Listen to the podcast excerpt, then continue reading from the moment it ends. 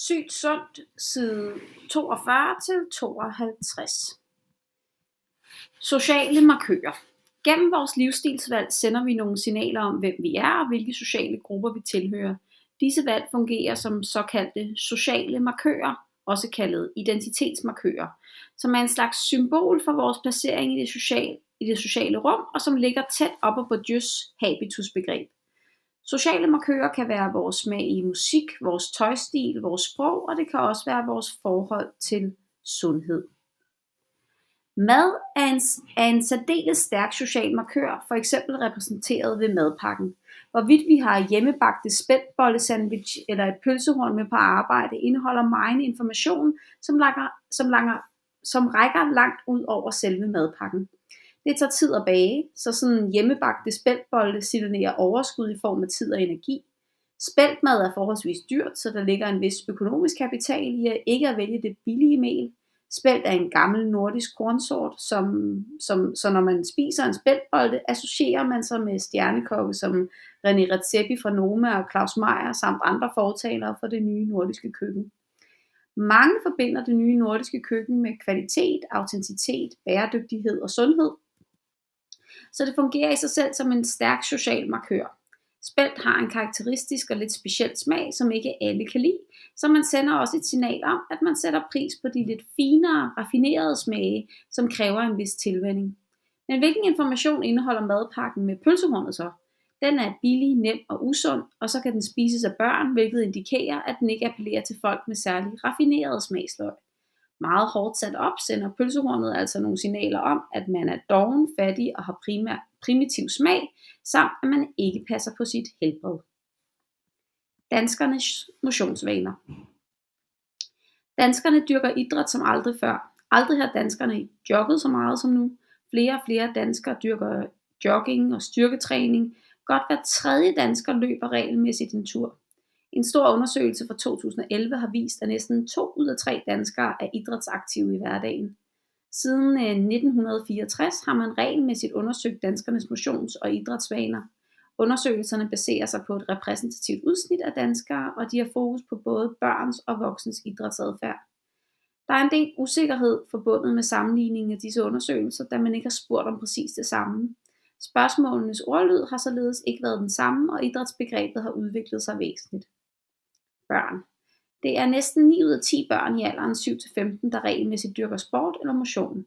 Klassiske idrætsgrene som fodbold, svømning og gymnastik er de primære aktiviteter, børnene beskæftiger sig med. Fodbold har et godt tag i børnene, da halvdelen af de aktive børn regelmæssigt dyrker fodbold. Svømning er også blandt favoritterne. I 2011 dyrkede godt 40% af børnene organiseret svømning. Børnenes aktiviteter er organiseret anderledes end de voksne, for børnene er dybt afhængige af det frivillige foreningsarbejde. Da godt 86% af deres aktiviteter foregår i en forening, er der et stort behov for frivillig arbejdskraft som instruktører eller trænere. Danskerne er dog stærkt engageret i foreningslivet trods rygter om en krise for det frivillige arbejde. I forhold til 2007-undersøgelsen er der fremgang i antallet af voksne danskere, som er engageret i frivilligt arbejde i deres egen idrætsforening. Godt 17% af idrætsforeningernes medlemmer hjælper til som træner eller instruktør, mens 11% af foreningernes medlemmer har taget en, har taget en tillidspost. I 2007 fandt man frem til, at der var en tendens til en polarisering mellem at være meget aktiv og inaktiv. Jo ældre børnene bliver. Denne tendens var blevet mere udbredt siden den forrige undersøgelse i 1998. Det betyder på samme tid, at de aktive børn bruger mere tid i gennemsnit om ugen end tidligere, men en større andel er helt inaktive. De inaktive børn og unge angiver som primære årsager til ikke at dyrke idræt, at de har andre fritidsinteresser, eller de bruger tid på venner. Mange piger forhindres ifølge eget udsagn, fordi de mangler nogen at følges med. Voksne. I 1964 var det primært yngre mænd, børn og unge, der var fysisk aktive inden for idrætten. Frem til 2012 har det ændret sig til, at begge køn deltager ligeligt, og at alle aldersgrupper er repræsenteret. Især har gruppen af ældre, 70 plus, markeret sig de seneste 20 år som den gruppe, der er størst stigning indenfor. Løbebølgen. Siden den seneste undersøgelse har jogging taget et stort spring på popularitetslisten. Løb har været, et ubrudt væk, har været i ubrudt vækst siden siden i midt-70'erne, og antallet af løbende danskere er på få år vokset fra 25 til 31 procent. I 2001 havde løb byttet plads på ranglisten over de populære aktiviteter med vandreture, der til gengæld er i tilbagegang. Den anden store højdespringer er styrketræning, som i dag dyrkes af 24% af den voksne befolkning. Løb er primært selvorganiseret. Kun 2% af den voksne befolkning har dyrket løb i en idrætsforening inden for det seneste år, selvom, det stadig, selvom stadig flere foreninger satser på at oprette løbehold. Styrketræning er til gengæld en mere organiseret aktivitet. En tiende del af danskerne dyrker fitness og styrketræning i kommersielle centre, mens næsten 5% af danskerne gør det samme i foreningsidrætten. I de seneste år har de foreningsbaserede fitnesscentre været i vækst. Fitness som begreb dækker over en lang række aktiviteter, f.eks. styrketræning med maskiner og med frie vægte, step og aerobic, Således er styrketræning blevet den største selvorganiserede idrætsaktivitet for voksne, og dermed den mest folkelige idrætsaktivitet. De største foreningsaktiviteter for voksne er gymnastik og fodbold, som 6% af den voksne befolkning har dyrket i forening inden for det seneste år. En af de interessante forskelle på mænds og kvinders idrætsaktivitet er, at mænd i højere grad end kvinder dyrker idræt i foreninger, 60 mod 40%. Kvinderne har inden for de seneste 10 år søgt mere over i den kommercielle sektor, hvor fitnesscentrene har lukket. Dog er, der, dog er der stadig de meget kønsopdelte discipliner, som fodbold og lystfiskeri. Der er en klar sammenhæng mellem længden af uddannelse og fysisk aktivitet. Undersøgelserne viser, at jo længere uddannelse man har, jo større er andelen, som dyrker regelmæssig sport eller motion. Idrætten er ofte primært selvorganiseret, og den dyrkes for at slappe af. For dem med en kortere uddannelse dyrkes idrætten i højere grad for samværets skyld, hvis den dyrkes. En af motionsundersøgelsernes vigtigste, vigtigste konklusioner er, at kort uddannelse og lav indtægt er en barriere for at indlede en aktiv tilværelse, også når, det, når der er kontrolle, kon, også når der er kontrolleret for personer under uddannelse samt pensionister mens aktive, der har brudt denne barriere, synes at blive integreret i en aktiv hverdag og bruge den samme mængde tid som de øvrige personer. Hvorfor ikke? Den primære årsag til, at nogle voksne ikke dyrker sport eller motion, skal findes i manglende tid, som i stedet går med arbejde, som i stedet går med arbejde og familie. Årsagerne varierer dog meget afhængig af køn og alder, og hvor aktiv, og hvor aktiv består hovedsageligt af arbejdsløse, førtidspensionister og personer med kort uddannelse og lav indkomst, etniske minoriteter og enlige og overvægtige. Undskyld. Gruppen, der er inaktiv, består hovedsageligt af arbejdsløse, førtidspensionister, personer med kort uddannelse og lav indkomst, etniske minoriteter, enlige og overvægtige. Polarisering i sundhed. Over en årrække kan vi se, at gennemsnitsdanskerne er blevet sundere på mange parametre. Blandt andet dyrker vi mere motion, vi ryger mindre og vi lever længere. Danskerne bliver stadig ældre, kvinder lever stadig længst, men mændene haler ind. Middellevetiden for kvinder er 3,9 år højere end for mænd, hvilket er en historisk lille forskel.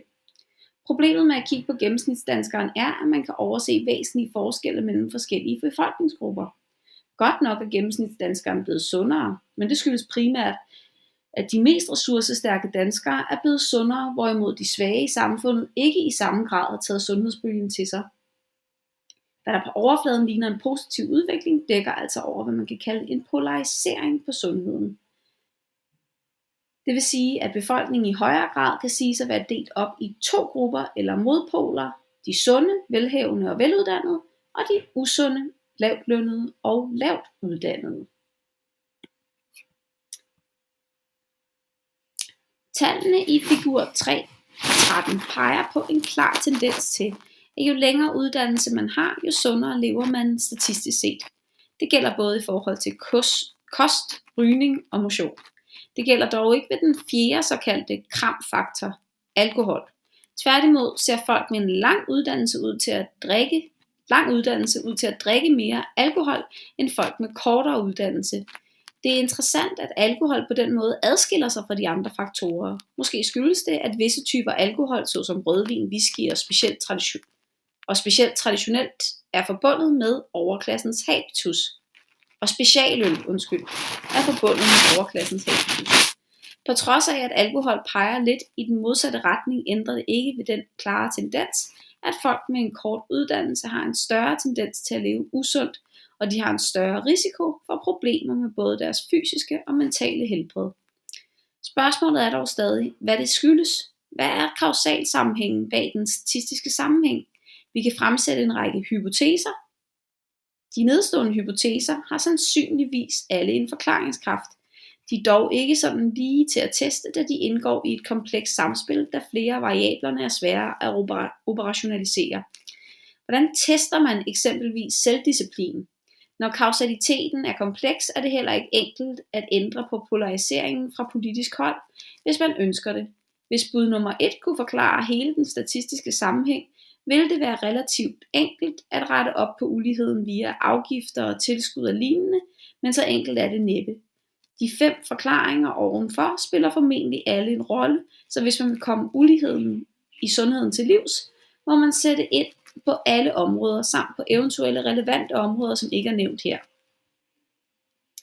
I figur 3.15 forsøger man at indfange kompleksiteten i sammenhængen mellem sociale baggrundsvariabler og sundhed. Som det fremgår, spiller de sociale baggrundsvariabler en rolle i forhold til både sundhedsadfærd, helbred og sygdomsadfærd. Disse påvirker hinanden, ligesom de påvirker individets overordnede sundhed. Hypoteser Overvej følgende hypoteser, tekstboks 3.2. Højtuddannede lever længere, da de har en større indkomst og dermed har råd til sundhed. Og den faglige forklaring er, det kan være, at økonomien spiller en rolle i den forstand, at det kan være dyrt at gå i fitnesscenter og købe varieret kost med mange friske frugter og grøntsager. Sundhed er dermed lettere tilgængelig for folk med høj indkomst, og disse har også typisk en lang uddannelse. Hypotese nummer 2.